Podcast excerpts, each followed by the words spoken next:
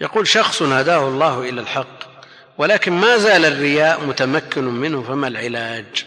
العلاج أن يعلم يقينا أن من يرائيه لا يستطيع نفعه بشيء ولا يستطيع أن يدفع عنه ضرا كتبه الله عليه.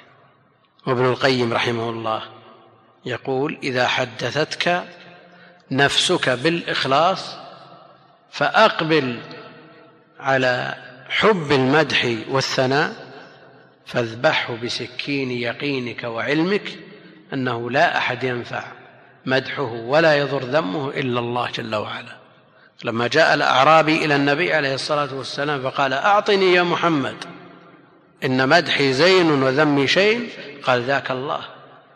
مع الأسف أنه أن الشخص إذا سمع كلمة مدح من إنسان طار بها فرحا.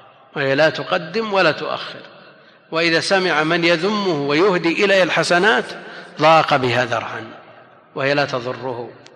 فكيف إذا قيل لبعض الناس الملك فلان أو الوزير فلان أو الأمير فلان البارح أثنى عليك يمكن ما ينام الليل من الفرح. يعني الموازين عندنا فيها خلل وفي الحديث الصحيح من ذكر الله في نفسه ذكره الله في نفسه. ومن ذكر الله في ملأ ذكره الله في ملأ خير منه أي مدح الرب جل وعلا وذكر الرب جل وعلا لهذا الإنسان المسكين أو ذكر فلان ولا علام من الناس. والله المستعان. فالرياء لا بد أن يجتث بالعلم اليقيني أن من ترائيه لا يستطيع نفعك ولا يستطيع ضرك.